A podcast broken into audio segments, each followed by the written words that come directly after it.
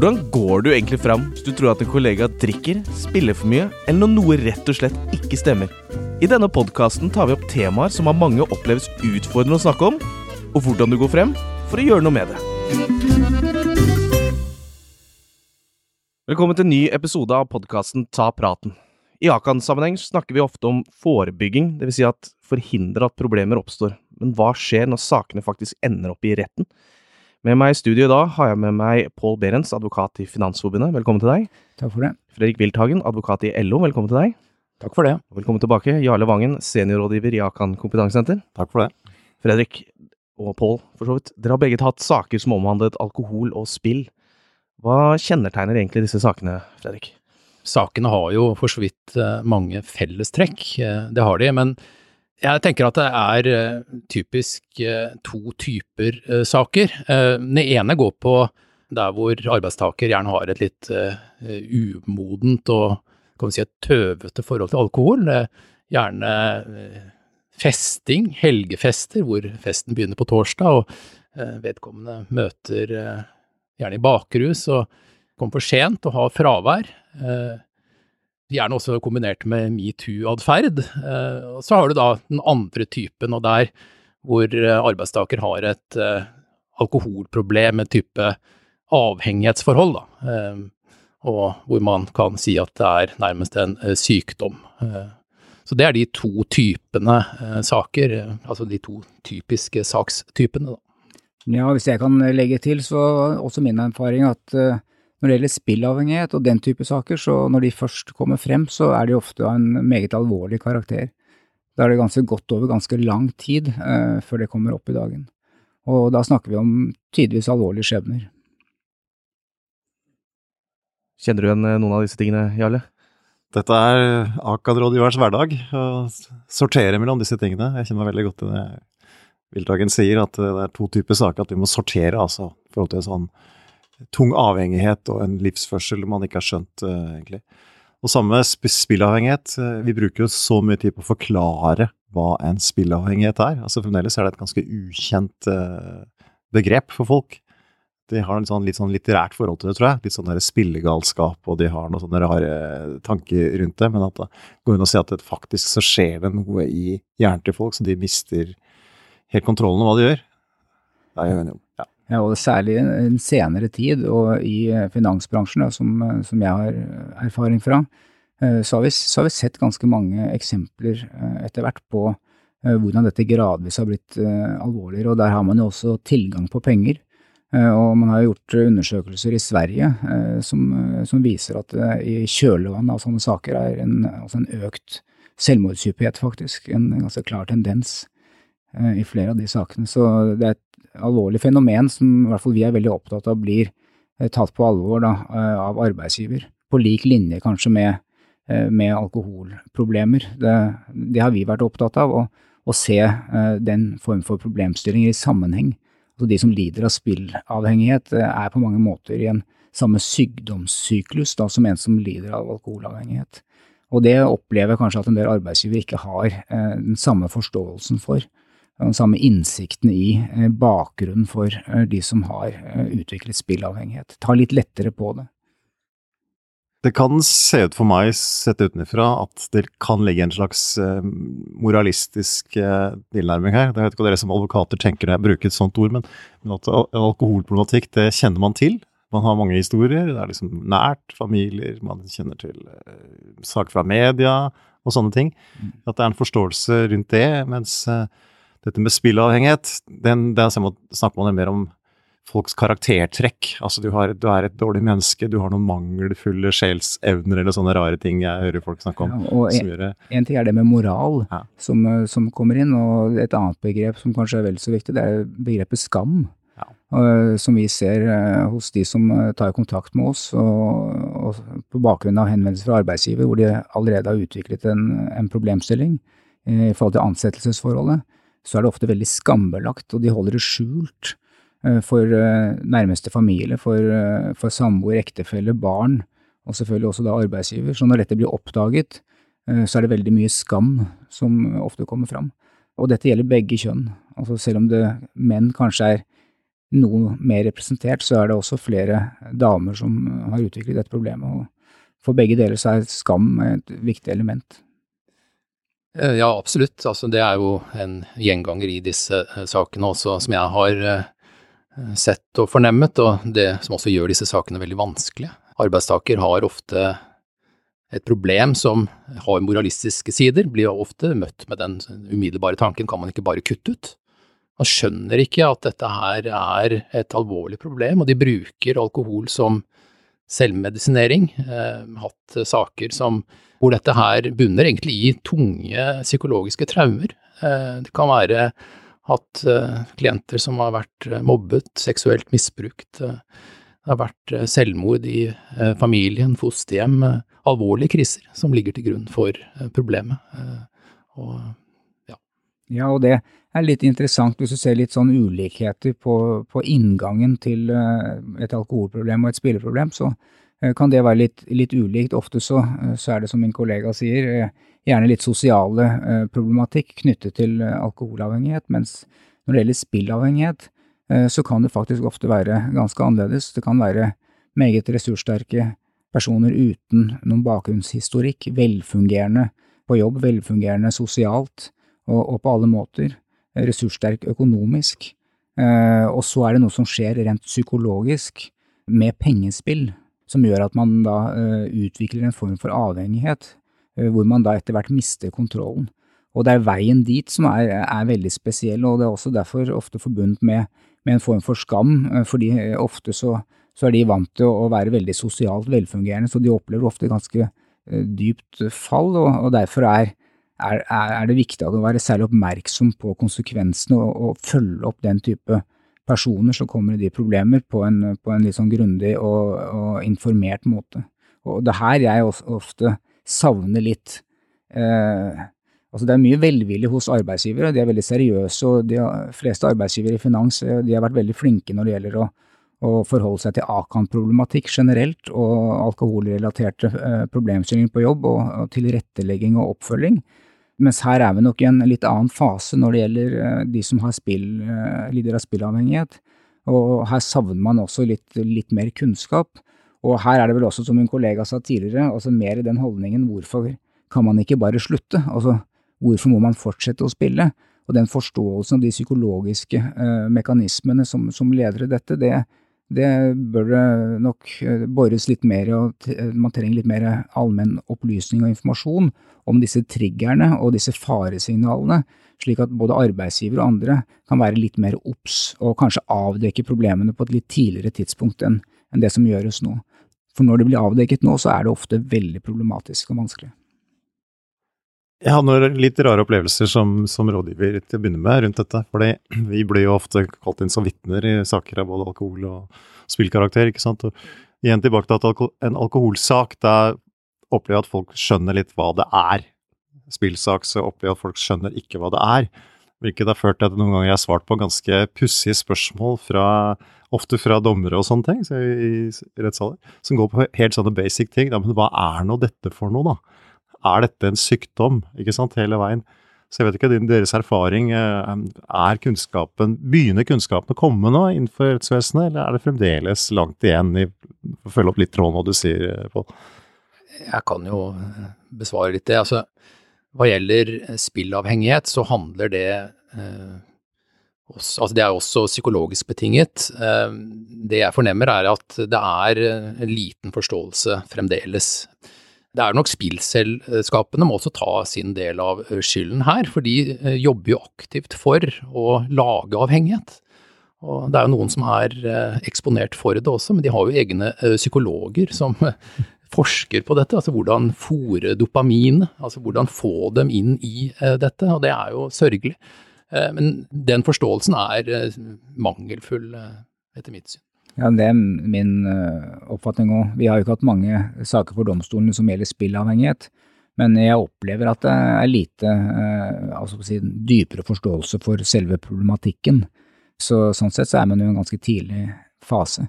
For det, for det er jo, uh, som det sies her, helt åpenbart at det er store interesser, store økonomiske interesser, som ligger bak at folk skal spille mye. Og det er klart at eh, det er, det er, jo, det er forbundet med betydelig risikoatferd å gå inn i disse pengespillene. Og jeg, jeg er i hvert fall en veldig klar oppfatning at det her burde brukes mer ressurser på informasjon, avdekking, oppfølging. Og, og jeg har vel ikke så uh, sansen for den veldige utviklingen av, av, disse pengespillene sånn som vi ser nå, og særlig er jeg bekymret for unge mennesker med tilgang, lett tilgang til økonomiske ressurser. De er særlig utsatt, vil jeg si. Kjenner meg godt igjen i det, det bildet. Har prøvd å bli litt kjent med dette faget sjøl også, som har dette som ansvarsområde på, på Akan kompetansesenter. Og det er litt interessant, altså, fordi vi fikk jo dette her eh, nærmest i fanget i 2003, for å være helt, helt presis. Den gangen det var 18 000 spillautomater stående rundt i det norske samfunnet. og Arbeidsplasser visste jo ikke sine armer òg, folk var ute i pausene sine, og de brukte jo opp alt de hadde av midler, ikke sant. Og fortalte gjerne historier om at de hadde vunnet. Kom lykkelig tilbake. Jeg har vunnet, automaten ga meg en gevinst på 3000 kroner. Noen få stilte et oppføringsspørsmål. Ja, hvor mye spilte du for? Det ble gjerne stille. Det var gjerne 5000 kroner. Men det, også, det forteller litt av de mekanismene. Så det er helt riktig som du sier, Fredrik. altså at du skal, være, du skal kunne mekanismen gjerne for å lage et godt uh, spill, altså gambling-system. Uh, og folk forteller jo historier uh, om hvordan de nærmest blir Eller de opplever seg forfulgt av spillselskapene. Det er jo telefoner, det er jo e-poster, det er jo et evig mas på det, ikke sant. Og det har jo også kommet fram at de vet veldig godt når de skal gå på deg. De, de går på deg når du ser at spillinga di begynte å gå ned, altså begynner å gå dårlig. Da vet du at du er på det mest sårbare. Én telefon da, med de rette forslagene, tilbudene, liksom. Så er folk i gang igjen, og da har de lett for å hente inn litt mer, mer midler. Og dette, mange av disse spillskapene, de nekter litt på det. Noen er ærlige, sier at ja, sånn er det, det er sånn vi driver vår business. Men det er et veldig vanskelig landskap. Og for ikke å gå inn i politikken, men det er jo også blitt litt sånn at det, man bruker jo pengespill for å finansiere bra ting, da. Og det forkludrer jo selvfølgelig litt den der debatten om hva som er bra og ikke bra, som står i det. Så. Hmm. Hva skal til for at du tenker at en sak ikke egner seg for retten? Kan jo begynne med deg, Pål. Ja, altså det, et, Etter mitt syn så, så, bør jo ikke saker i utgangspunktet eh, havne hos domstolen. altså Når de først havner der, så har det skåret seg fullstendig mellom partene. Så det er vel en sånn tommelfingerregel at da er saken allerede gått for langt. Og det gjelder vel både alkoholrelatert og spillavhengighet. Og veldig opptatt av eh, det forebyggende arbeid eh, som må gjøres. Og min erfaring er at de egner seg dårlig for å bli behandlet i retten. Det er bare tapere, slik jeg ser det når det har kommet hit. Mye må settes inn, og der, der er jo Akan, eh, slik vi ser det, en veldig viktig eh, bidragsyter og, og, støttespiller. Betyr veldig mye, det arbeidet som har vært gjort, og det er en nøytral part som både arbeidsgiver- og arbeidstakersiden eh, anerkjenner og respekterer, så de spiller en veldig viktig rolle. Og jeg er veldig opptatt av kunnskapsoverføring fra Akan til, eh, til, arbeidsgiveren. Og jeg opplever jo og har fått klar forståelse for at det er en veldig god dialog. Og det å, å videreføre den, og, og, og, kanskje i særlig grad nå med tanke på, eh, på spillavhengighet og den kompetansen som Akan besitter der, eh, og at arbeidsgiveren er villig til å ta imot det. Så blir det oppfølging da av konkrete enkeltsaker, og de kan jo være av varierende alvorlighet og varierende vanskelighetsgrad. Her har man jo alle typer elementer. Eh, men eh, det med tilrettelegging, det å bringe inn eh, arbeidsmiljøutvalget, verneombud, tillitsutvalget osv. på et tidlig, sak, tidlig stadium, det, det, det, det, ser vi virker, og det er kanskje det, aller viktigste. Og den oppfølgingen. Ja, jeg kan jo for så vidt tiltre det min kollega her sier. Når saken først har kommet til domstolen, eller man skal vurdere å ta ut søksmål, så tenker jeg at litt tilbake til det skillet jeg innledet med, altså det mer uvørende bruk av alkohol eh, versus avhengighetsforhold, så tenker jeg at eh, jeg egentlig har liten sans for det første. Altså det, det tøvete bruket eh, er ofte noe som sjelden fører fram. Domstolen har ikke sympati for det. Det har jeg for så vidt også god forståelse for. Alkohol og arbeidsliv hører ikke sammen. Når det kommer til den type saker hvor man har et, eh, et problem, altså et alkoholproblem, helseproblem, så tenker jeg kjernen i om en sak egentlig er prøvbar eller ikke, er egentlig holdningen til eget problem. Det er usedvanlig viktig. Eh, jeg har hatt saker hvor eh, arbeidstaker har sagt at jeg er ferdig med det, men han har luktet alkohol, han eller hun, ikke innser problemet sitt, og det er saker som er dårlig egnet. Fordi, og spesielt også hvor arbeidsgiver har ugjendrivelig bevis mot vedkommende, men fremdeles nekter. Helt uegnede saker, beklageligvis. Og da har det gått for langt. og et hjertesukk, eh, det, er, det går også på Akan, som det er, altså det er den metoden man må bruke, men det jeg ofte føler arbeidsgiver er litt for kjapp med, er å prøve en sånn bordet fanger i en sånn oppsigelsesprosess, og det er eh, forstemmende. Eh, det er at arbeidsgiver spør arbeidstaker har du et problem og vil du motta eh, hjelp, og arbeidstaker sier nei, og det var det. Ja. Ferdig. Oppsigelse. Ja. Takk for i dag. Og det er en sånn snarvei ut som er Ja, det er Da, en da, uting. Ja, og da er jeg helt enig, og i, de, i de sakene så er det jo viktig å ha juridisk bistand. Eh, men jeg kan jo også bekrefte eh, det, som blir sagt om at mange har problemer med den selverkjennelsen. Ikke sant? At de, de, de benekter å ha et problem.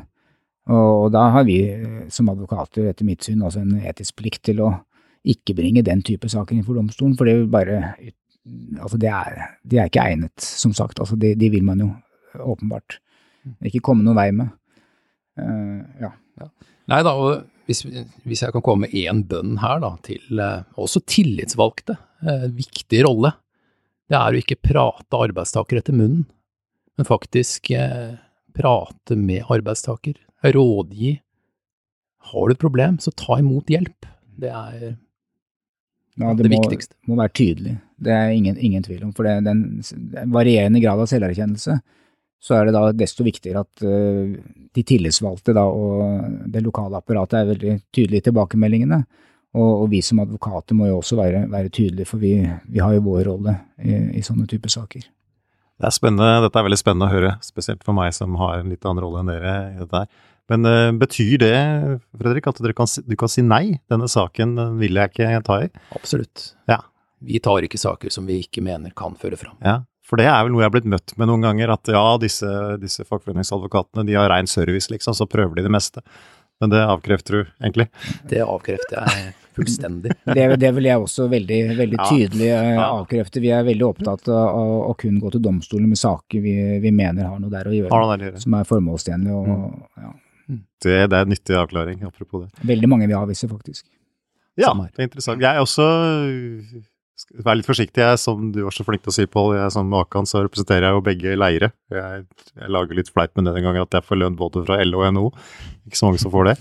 Men jeg også savner noen ganger tillitsvalgsapparatet her. At de kunne vært eh, tøffere og tydeligere i det, som en sånn mitt lille hjertesukk. Og noen ganger så syns jeg faktisk arbeidsgiversiden har vært vel så prinsipielle i dette her, rundt det. Men jeg har jo vi har jo forstått etter hvert at eh, det å være leder i en sånn sak eh, er ganske krevende. Og vi sier noen ganger at eh, vi står foran to kriser. Altså det er en leder som ringer og sier at nå har jeg en ansatt ikke sant, som har blitt akutt innlagt med alkoholforgifting. Jeg visste ingenting. Hvordan i huleste skal jeg forholde meg til dette her? Eller akkurat det samme, jeg har en ansatt som nå har spilt bort det som skulle bli det nye huset. Jeg har fått med dette med selvmordsfare, ikke sant. Så ser vi at det er to personer her som trenger, eh, trenger tett oppfølging. Eh, og jeg har også vært, prøvd å være rådgiver i saker hvor de sier at eh, jeg må ha hjelp fra min arbeidsgiverorganisasjon, for denne mannen, personen, må vekk, må ut. Men jeg personlig skal gjøre det jeg kan for at vedkommende skal få medisinsk hjelp. Og jeg da graver litt i det og spør ja, men i all verden, liksom, hvorfor kan ikke vedkommende beholde sin jobb? Nei, for det vedkommende har gjort, ikke sant. Det er et type underslag som har gått utover tredjeperson, kunder. Hvis mine kunder får vite det, osv., osv., så, videre, så får jeg et kjempeproblem. Et renomméproblem som gjør at det er helt, helt utelukka. Og da blir jeg litt svar skyldig, rett og slett. Men, eh, men generelt så er vi glad for at saker kommer i retten, vi da, fordi det vil jo gi noen svar. Ikke sant. Noe sånn presedens, er ikke det dere sier da, for videre ting. Så vi er det, altså. Faktisk. Ja. Jeg beveger meg videre. Mange tenker jo at spillproblemer og alkoholproblemer er helt ubegripelig. Altså, hvordan er det mulig å spille eller drikke så mye at jobben og familien ryker? Så da blir spørsmålet hvordan forsvarer dere det ubegripelige? Har disse sakene en helt egen dynamikk? Vi Begynner med deg, Fredrik. Jo, takk. Vi, vi har jo vært inne på uh, mye av det. Um, ja, det er jo kjernen i disse sakene er jo Altså det er ikke bare handlingen som er ubegripelig, men det er også den eh, atferden og den unnvikende holdningen eh, arbeidstaker har. Også selv når de eh, åpenbart har et problem. Som sagt så har jeg hatt klienter som har nektet for rusproblemer, selv om det har vært helt klare bevis mot dem. Og, ja.